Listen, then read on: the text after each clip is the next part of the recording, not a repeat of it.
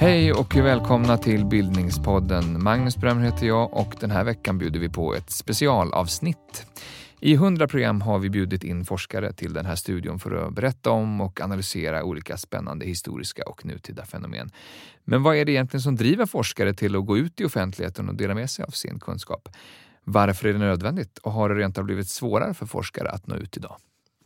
På Bokmässan i Göteborg förra veckan så var detta ett hett samtalsämne på flera håll. Bildningspodden gästade Dagens Nyheters scen för att höra hur forskare själva upplever den här saken. Ni ska få lyssna på några av de här samtalen idag. I det första samtalet möter vi filosoferna Jonna Bornemark och Åsa Wikfors som båda har varit flitigt återkommande i den offentliga debatten om kunskap, sanning och vetenskap under de senaste åren. Varför behövs filosofen där? Det är väl inget, inget djärvt påstående att säga att vi lever i en förvirrad eh, tid som, som kämpar med att förstå sig själv. Så.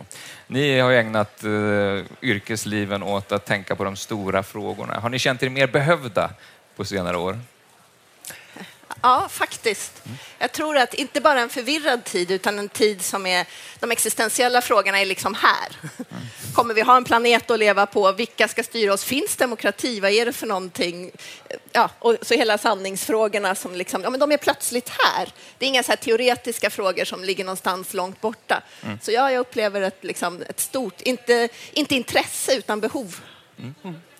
Nej, jag, har ju, jag har ju forskat på de här kunskapsfrågorna hela mitt liv. Jag hade väl aldrig kunnat föreställa mig att de skulle stå mitt i, i samhällsdebatten på det sätt som de gör. Att vi skulle liksom dagligen prata om vad som är sant och vad som är välgrundat och vad en lögn är och hur desinformation fungerar. Det hade jag aldrig kunnat tänka mig. Det är ju inte någon rolig utveckling, men jag kände, och jag kände det eftersom jag, jag har kunskap om kunskap och då ska jag ut och prata om det här.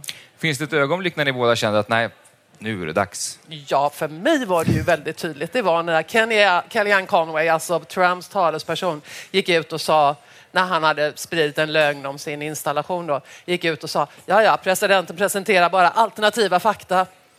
Då tänkte jag, nej nu jäklar, nu får det vara nog. Ja, vad, vad, vad hände i dig då?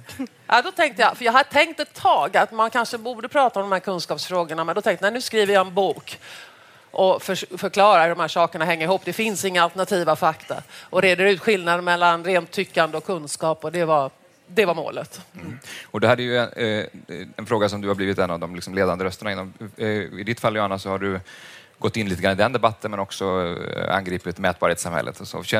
Fanns det en punkt för dig också när du kände att nej, nu, nu räcker men det? Den var nog växande för okay. mitt engagemang kommer från mötet med alla mina studenter som har varit ute i yrkeslivet ett tag. Och så kommer de till mig med sina berättelser och då ser jag hur liksom en stor del av kunskapen blir helt ignorerad eller till och med blir motarbetad Vilken, ute i arbetslivet. Mm. Ja, men en, en situationskunskap, en omdömeskunskap den eh, vill man helst undvika. Och det här är ju lite i andra änden av spektrat av det Åsa pratar om, att man tror att det är ett rent tyckande när det egentligen är liksom en kollektiv, väl utvecklad kunskapstradition.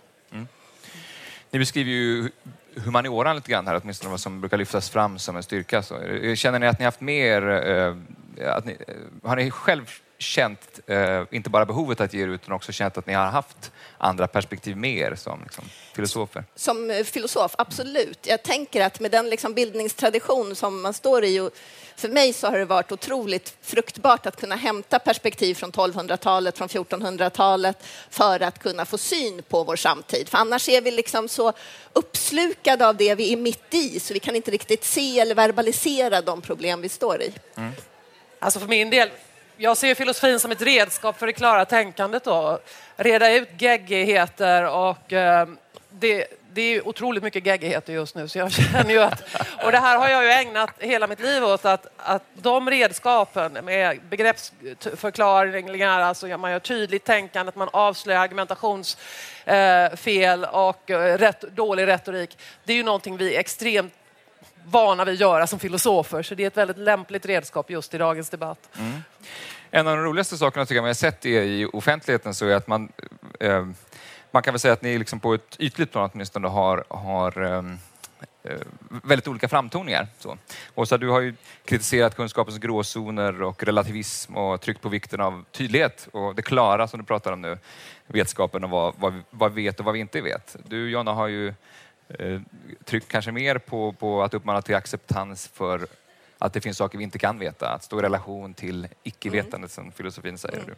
Mm. Eh, håller ni med om den här bilden? Och, eh, Ja, vi befinner oss verkligen i olika ändar av spektrat. Och jag vet inte hur Åsa eh, ställer sig till det här. Vi har inte riktigt pratat om det här innan. Det är dags nu. Ja, vi skulle nog kunna ge oss in i en ganska liksom het debatt. Men så som jag uppfattar det så är vi faktiskt i olika ändar av spektrat. Och när jag är ute och pratar så förklarar jag varför det inte finns några alternativa sanningar eller alternativa fakta, utan vad objektivitet är utifrån min horisont, utifrån min liksom, ja. Cusanus horisont. Så att jag är inte säker på att vi måste motsäga varandra. Nej, det, var, det, det vore intressant intressant att reda ut. Jag tror inte vi vet svaret på den frågan riktigt. Jag är väl mer intresserad av vad vi kan veta än vad vi inte kan veta. Uh, och jag är skeptisk till att dra gränser för vetandet. Då. Jag tror vi kan alltid få mer kunskap Eh, och det är klart att det finns begränsningar för mänskliga vetandet. Vi är ganska korkade djur. Liksom. Så någonstans går gränsen. Jag tror inte man kan dra den, så jag är väldigt mycket för att fortsätta pusha den här gränsen vidare. Men det kanske Jonna också är då. Så Hon ser jag... väldigt sugen ut på att svara. jo, men det är precis det här som är grejen med icke-vetande. Icke-vetande är inte en gräns där det är så här, jaha, den här frågan, ja men den kan vi inte veta något om. Då fanns det ju ingen anledning att syssla med det. Grejen är att icke-vetande är horisonter som vi lever inom. Det finns finns alltid mer vi skulle kunna veta. Det finns inget slut på vetandet. Och det gör dels att vi alltid kan skapa ny kunskap och dels att de här horisonterna, det överflödande, alltid finns kvar. Ja. I en det här har börjat väldigt lovande tycker jag. jag tycker, och sen Nej, men det är klart att det finns, så, det finns otroligt mycket vi inte vet och vi vet inte vad vi inte vet Nej. och så vidare. Allt det där. Sure. Och vi måste fortsätta med vetenskaplig metod och tänkande att ta oss vidare där uh, och inte tro att det finns några gränser. Så det, vi kanske är helt eniga där då. Uh, sen vad det gäller det här kunskapsspektrum. Du, du betonar ju omdömeskunskap eh, som är, och jag är väldigt mycket mer intresserad av kanske det här eh, faktakunskaper som kan uttryckas och är liksom mer explicit hos människan. Men det är ju ingen motsättning egentligen därför att eh, det är klart att eh, så länge det, det finns olika former av kunskaper, det pratar jag om också i min bok. Då, va? Men där representerar ni väl på sätt och vis också två klassiska strömningar inom filosofin? Um, kanske, jag vet kanske. inte. Jag, jag, tror filosof, mina, jag har ju den analytiska filosofin och vi har ju pratat mycket om omdömeskunskap och vad det är och den här kunskapen ja. som är så svår att formulera. Då. Så jag är inte säker på att det finns en motsättning där. Motsättningen skulle ju ha funnits då om inte du var intresserad av kunskap, men det är du ju. Så att, ja, det är inte säkert, jag vet inte. Men nog gör det att vi betonar lite olika, det tror jag. Att mm. vi kommer från, liksom, eh, jag är mer kontinentalfilosof du är mer analytisk filosof. Och jag tror det att det ger oss... Ja, det är de liksom, två stora strömningarna skulle man kunna säga. Man kan pro ja, problematisera det också förstås. Eh, men lika fullt så tror jag att det ger oss lite olika ingångar och kanske lite olika intresseområden och olika kompetenser. Men jag tycker faktiskt att den situation vi befinner oss i idag så tror jag att vi behöver båda de kompetenserna. Mm. Vi, vi, lever i en förvirrad tid, men det är en tid också full av tvärsäkra röster. Hur, eh, hur säker kan eller kanske får en filosof vara i sådana här frågor? Det beror på hur goda argument du har. alltså säkerhet eh, ska man vara försiktig med. Därför att man ska inte blanda upp eh, sanning, och kun, eh, sanning och säkerhet till exempel. Vi, sanning finns där, men det är väldigt sällan vi kan vara säkra på att vi har nått den. Och det bästa vi kan göra är att hitta goda argument evidens och så vidare och försöka tro i enlighet med det. Va? Men säkerhet eh, uppnår man sällan utanför logiken och matematiken då, där man har bevis. Så att man ska vara medveten, även när det gäller liksom väldigt väletablerad forskning, så ska man vara öppen för invändningar. Det är ju liksom en poäng med forskningen, att vara öppen för riktiga invändningar. För man kan ha fel. Och det är någonting som jag pratar väldigt mycket om. Och jag tror att det är, alltså lyssnandet är en fantastisk kompetens idag för att kunna utveckla något sånt som kunskap. Och på de områdena jag är, där handlar det om att liksom kunna hantera den här situationen, hantera kanske som lärare eh, du har ångest, där finns en konflikt, jag har det här lärandet, vad är viktigt, hur ska jag handskas med det här? Så når jag mer kunskap om jag är väldigt eh, inte tvärsäker. Är jag tvärsäker så stänger jag av allt lyssnande. Så det är liksom, den lyssnande kompetensen motarbetar all tvärsäkerhet och gör att jag kan lära mig någonting. Att jag kan ta in den här situationen och handla på ett så klokt sätt som möjligt. Och det är något helt, eh, ja, det är liksom motsatsen mot tvärsäkerhet. Men ni är också två väldigt ni är, ni är åtminstone två väldigt tydliga humaniora-forskare som kanske anklagas för andra saker. Har, har, ni, har, ni känt, eh, har ni lärt er någonting på den punkten när ni har varit ute och debatterat så mycket? Om, eller? Om, om, om vikten att vara tydlig? Ja, alltså, den har jag ju alltid trott på. Då. Mm. Och jag tror en sak jag verkligen, och det har jag tänkt på tidigare också, jag tror det är svårt att gå ut och prata populärvetenskap om man inte själv väldigt länge hållit på med populärvetenskapen. För vad det ger är en förmåga att jag kan distillera fram det som är viktigt att säga. Vad kan jag lägga åt sidan? Vad är liksom inte? Och, och liksom därmed bli väldigt tydlig i mitt budskap. Och det är någonting som man får efter att man hållit på med, med ett ämne rätt länge. Då, Så det, och det är en enorm glädje att komma ut och känna att jag kan göra det då och folk förstår vad jag säger och det funkar och det är jättekul. Jag älskar mitt ämne. Och jag tror samtidigt att man inte ska underskatta liksom vara övertydlig eller förenkla för mycket. För att det jag har upplevt eh, alltså, under ganska många års tid är att eh, folk är mycket smartare än vad media ibland kanske tror. Att liksom tror att vi måste ge väldigt förenklade resonemang. Och när jag är ute och, och pratar så tycker jag att det finns en liksom Ja, men det, folk är intelligenta. Mm. Det finns ingen anledning. Man ska vara klar och tydlig och liksom förklara vad man menar och kunna hålla tydliga resonemang. Det är jag helt med dig på. Men det, man, man, behöver kanske inte platta till saker i onödan. Mm. Är det något som både akademin och, och journalistiken kan, kan lära sig av? Eh, om ni ska bilda lite grann då, finns det någon idé eller någon tanke eller särskilt tänkare kanske i filosofihistorien som ni tycker har bäring på vår tid eh, mer än andra? jag har ju mina, liksom, jag, jag, tycker att renässansfilosoferna är jättespännande. Nicolas Cusanus från 1400-talet, Giordano Bruno från 1500-talet är de jag inspireras av. Och anledningen är att de står liksom precis på brytpunkten på väg in i en modernitet som vi idag kanske har blivit lite hemmablinda i. Och just eftersom de är på väg in så är de också intressanta nu när vi ser en massa problem i moderniteten för, alltså de, de är liksom på samma stadium på ett sätt, fast i andra änden. Och även Descartes sena tänkande är liksom, ja, men det gör jag tycker att vi kan förstå oss själva bättre mer och också hitta alternativa tankevägar. Mm. Alltså, eftersom vi står i en tid där kunskap utmanas och, och många av de här, liksom den liberala demokratin står under stort hot så kan jag tänka att det vore kul, eller det är en bra idé att titta lite på de stora upplysningsfilosoferna igen. På, på, läsa lite Voltaire och läsa lite John Stuart Mill som naturligtvis hade hela den här idén om den liberala demokratin och den extremt viktiga roll som yttrandefrihet och eh, tankefrihet och så spelar för att eh, och kunskapsinstitutionerna spelar för att en demokrati ska fungera. Det är ju det, är ju tänkande som refereras mycket i vår tid, men är det så att man eh, generellt sett missförstår det? Att man missförstår... Upplysningstänkandets ideal? Någonstans. Ja, det finns ju de som är väldigt kritiska mot upplysningstänkandet på lite konstiga grunder, tycker jag. Då. Men det, mm.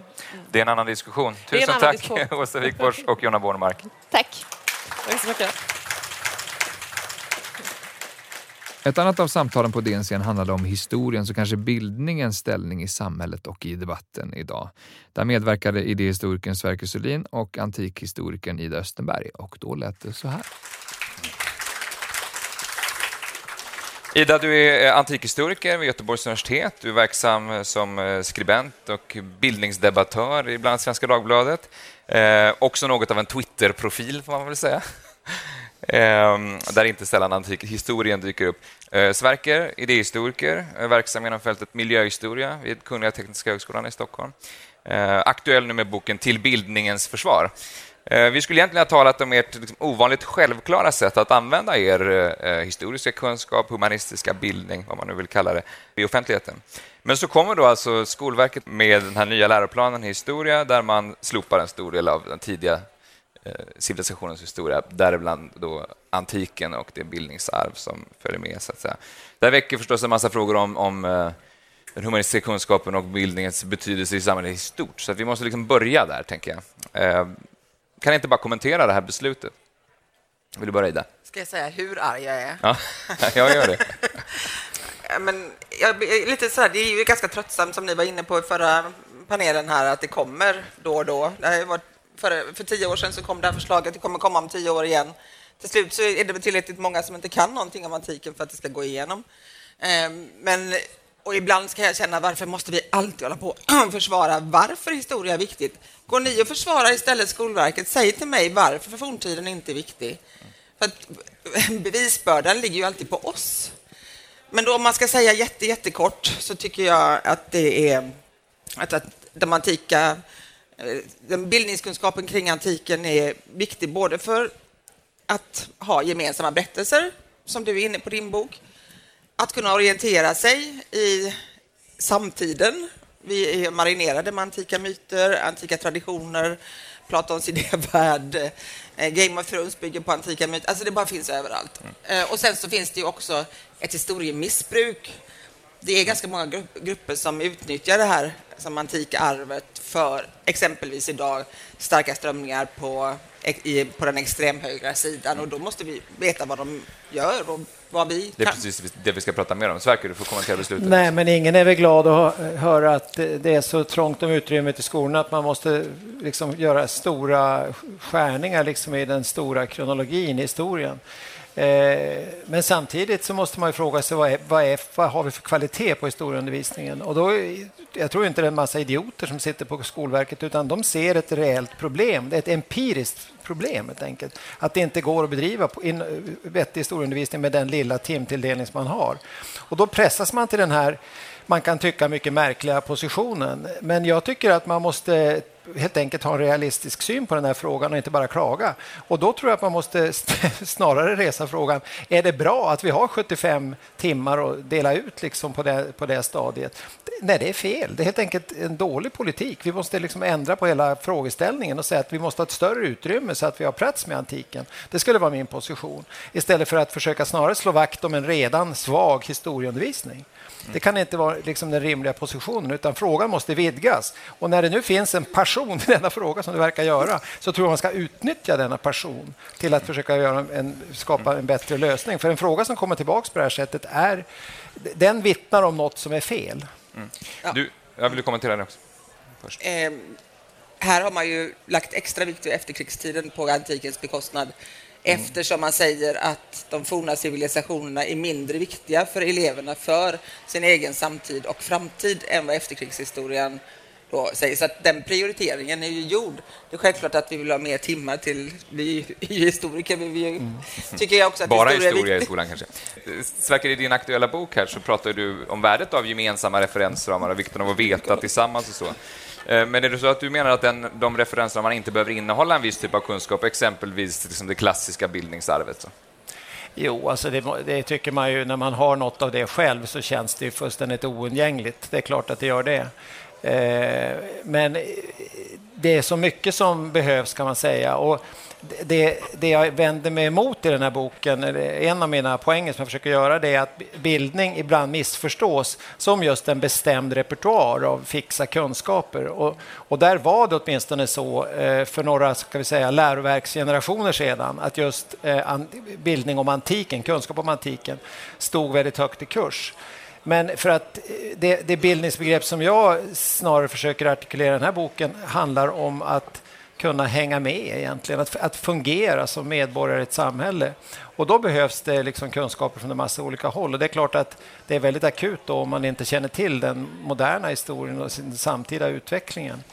Men det, det går liksom inte, det är en annan sak jag försöker säga, att forma en kanon det gjordes försök. Det hade, vi hade en debatt i Sverige på 00-talet om det här. Och jag kommer ihåg ett specialnummer av Historielärarnas förenings tidskrift om detta. Och alltså kanon att det finns en viss, ja, ofta i skönlitteratur, en viss lista av verk som, som man ska känna till. Liksom. Mm. Som hade liksom en sån där lista. De genomförde ju det, och det för att öka den nationella sammanhållningen. Det fanns inte en enda historiker strängt taget i det här. Som, när experter yttrar sig så var det ingen som ville ha det och så blev det ju inte heller i Sverige. Dess bättre skulle jag vilja säga. Okay. Men, men eh, Alltså när man pratar om, om, om, bildning och humanistiska eh, förmågor och så, det har både kommit upp i det här samtalet, det kommer fram lite grann i, i Skolverkets yttrande om det här, så är det som att man talar om eh, det, det, det, är två sidor av det. Det, det, det är dels då de här gemensamma referenserna, med den faktakunskapen vi talar om, historiska kunskapen, mm. men det handlar också om att utveckla en omdömesförmåga. Och så vidare. I hur hög grad hänger de där två sakerna ihop? Det har ju Sverker skrivit om i sin bok. Så du vill ju, men det är kanske bättre att du pratar om jag kan det. Säga, du får svara Sverker jag, jag, tror att de hänger väldigt nära ihop. Ja. Alltså man kan ju inte bilda, bilda omdömen och, och liksom ha tillägna sig en personlig förståelse om man inte har en väldig massa faktakunskaper. Men fakta är liksom ett ord, det finns många andra ord, till exempel viktigt för historiker, förklaring, att försöka förstå sammanhang. Måste man liksom sätta ihop de här enskilda pusselbitarna till någonting som bildar ett sammanhang. Och jag tror att sammanhanget är väldigt viktigt. Eh, kunskap eh, när den fungerar som bäst tror jag för alla människor egentligen är när man kan bilda sig sammanhang och forma liksom en bild av vad som har hänt. Och, och, och det är där konkurrensen verkligen uppstår med de här strömningarna som vi nu inte vill se mer av. Utan speciellt på den, på den radikala högerkanten. Där bygger man upp så att säga alternativa berättelser. Visserligen säger man alternativa fakta, men att bestrida enskilda fakta är ganska svårt när det handlar om siffror och sådär. Utan vad det handlar om är att det är alternativa berättelser. Det är större sammanhang som man rullar ut. Och det, det är, det är där faran ligger, i att det helt enkelt blir, allt, blir myter som så att säga, styr mm. föreställningsvärlden. Den må, de måste man kämpa emot med bättre förklaringar. Mm. Men om vi, ett konkret exempel, den, den vanligaste omdömesförmågan som man talar om idag är källkritik mm. kanske. Eh, är det inte så att källkritiken är egentligen viktigare att trycka på i skolan då än, än att kunskap om antikens historia? Nej, men kunskap om antikens historia är det bästa källkritiska verktyg du har. Förklara att, vad du menar. Eh, nej, därför att varifrån kommer den här kunskapen? Eh, hur har den bearbetats genom tiderna? Vem sa det först? Vem har skrivit om det? Vad står det i fotnoterna? Vad står det i de här alternativa, på de här alternativa sajterna? Så där, alltså, är det någonting vi verkligen tränas på? Och det har man ju som slagit fast i diverse studier när man pratar om vad, också vad arbetslivet vill ha, så att säga, så är det ju att de som sitter och pillar i de här filologiska och arkeologiska källorna från forntiden har ju liksom en väldigt stor kapacitet att, att ta sig an moderna problem. Så, det, det krävs sakkunskap för att kunna vara källkritisk? Ja, man måste åtminstone veta att Rom fanns om man ska kunna ja, det, veta huruvida SPQR är bra för Europa idag eller inte. Som mm. det då kan sägas. Men får jag säga en sak till? Ja, absolut. För att en sak med antiken är ju inte bara det här med att det är alltså den upphöjda antiken, vi ska kunna eh, som joniska och korintiska kapitel. Det är ju jättekul att känna igen dem och då känner man sig delaktig och det är bra. Men sen är det ju också det att alla andra tider fram till bara för någon generation sedan har ju använt sig av myterna. Går du in på ett museum så är det någon myt från Ovidius Eh, Eh, eller går du i ett arkitektoniskt landskap så är det klassisk eh, formspråk som då är bearbetat genom 1700-talet som också är intressant att veta varför. Läser du en bok, jag håller på att läsa nu, till exempel, eh, ni pratade om Proust, Proust, eh, Thomas Mann. Jag läste eh, alltså, hans nya novellsamling Döden i Venedig. Den bygger på Platons Phaidros. Han, han håller ju på att kommunicera med den, hur ska man begripa det? Nej, och men det är en sak att förstå referenser, och, men jag tänker också, du har ju använt eh, väldigt tydligt din antikhistoriska kunskap i, i, när du twittrar om dagspolitiska händelser. Ja, ja. Liksom. Hur, vad, vad, får du med dig för perspektiv där? Som du, i, i, vad för du in för perspektiv i den diskussionen? Det är en outtömlig brunn. Ja. eh, nej, men jag, alltså, har man hela den där basen så är det jättelätt att se de här linjerna och då tycker jag det är spännande. Ja. Alltså, för dig så verkar det som att du har gått in i, i klimatdebatten mycket som, som just idéhistoriker och polit, ja, som miljöhistoriker. Vad, vad, känner du att, du att du bidrar med där från dina perspektiv? Jag tycker att det, det känns väldigt meningsfullt att göra det och eh, jag kan inte tävla med experter inom eh, glaciologi eller oceanografi och sådär om enskilda liksom, forskningsresultat som de producerar. Det är på något sätt en jättelik råvara som väller ut ur laboratorier och fältexperiment och sådär. Jätteviktig kunskap. Men det är ett stort arbete att göra att liksom använda all denna kunskap för att skapa den typ av meningsbärande relationer till dessa stora frågor som angår de många människorna. Och det tolkningsarbetet utför vi på olika sätt. Greta Thunberg utförde det på, ett, på sitt sätt, fantastiskt framgångsrikt. Men eh, i mitt arbete så tycker jag att det är viktigt att berätta om begrepp som till exempel begreppet miljö, begreppet antropocen. Var kommer de därifrån och vad säger de om vår tid? Och det finns ett stort intresse för det och en väldig massa mening verkar som uppstår ur det. Jag tycker att det är väldigt viktigt att se på en integrativ roll hos forskarsamhället i stort. Alltså vi, min uppfattning är att vi nu lever i en tid när sanningen är så att säga hotad av privatisering kan man säga. Det pågår en sorts förstörelse av sanningen som gör att den, den det, det, vi kan hålla oss med vilka sanningar som helst. Det borde inte vara möjligt. Och för att upprätthålla en bredare samlad förståelse, att veta tillsammans som jag kallar det för, så måste de stora kunskapsuppehållande institutionerna, eh, skolorna, universiteten, medierna och folkbildningen tänka att man har en gemensam uppgift. Mm. Så det är en väldigt viktig cirkulation mellan de här sfärerna i samhället som vi behöver se. Och då tror jag att man just måste undvika att tänka sig att här har vi, sann vetenskap och så flyttar vi den någon annanstans. Mm. Utan att det är mycket mer, upp, liksom, mycket mer kombination och vardagsarbete som det består i. Och Men det... ligger inte, apropå Skolverket, har den också en, en, en kanske föreställning om att det är omöjligt att ha den här eh, liksom hela världshistorien är omöjligt att ha den här gemensamma referensramen idag. Det handlar mer om just omdömesförmåga och kunna värdera saker och ting. Liksom. Är det, är den... Ja, det tror jag föresvävar dem. Det är ju helt uppenbart. Och det, det är ju ett politiskt uppdrag att de ska göra det också, så det tror jag vägleder dem när de tvingas till den här typen av uh, märkliga... Men är det ens möjligt att ha den där gemensamma referensramen, det gemensamma måttet som du talar om? Ida måste få svara på det också. Mm. Ja, Nej, men jag vet inte, alltså jag menar, tvingas och tvingas, de har ju försökt det här tidigare och det ligger ju i samhällets, eh, menar, instituten i Medelhavet som skulle läggas ner för ett tag sedan och eh, som internationella biblioteket som ska läggas ner nu. Och alltså, det är ju en allmän trend om att den, som, om man ska säga det så, klassiska bildningen, som inte är ett riktigt bra ord, men ändå att den är, anses ointressant eller onödig eller eh, mossig eller passé. Det är någonting som vi har tagit för givet, bildningen, precis som vi har tagit för givet att demokratin alltid ska finnas och det gör mm. den ju inte. Och det... Vi måste sluta där. Nej, ja, det måste vi. Det gick väldigt snabbt. eh, vi drog över lite tidigare också. Men tusen tack Ida Österberg, Sverker Sulin, för att ni ville vara med. Tack. På mässgolvet träffade jag också två andra historiker, Brita Plank och Anna Karstedt, som har varit verksamma inom akademin men också i olika förtroendeuppdrag i samhället. Det berättade de mer om här. Vi har precis suttit på Dagens Nyheters scen och pratat om hur det är att vara historiker i förtroendebranschen. Du Brita är 1700-talshistoriker. Du är specialiserad på äktenskapet, kärleks, kärlekens historia. Eh, men också varit verksam bland annat som kommunpolitiker Eh, för Centerpartiet. Eh, du Anna är renässanshistoriker, skrev en avhandling om 1500-talsprofeten Nostradamus men också haft en rad förtroendeuppdrag eh, som exempelvis att varit ordförande för nykterhetsorganisationen IOGT-NTO, Svenska Röda Korset och varit nationell samordnare mot våldsbejakande extremism.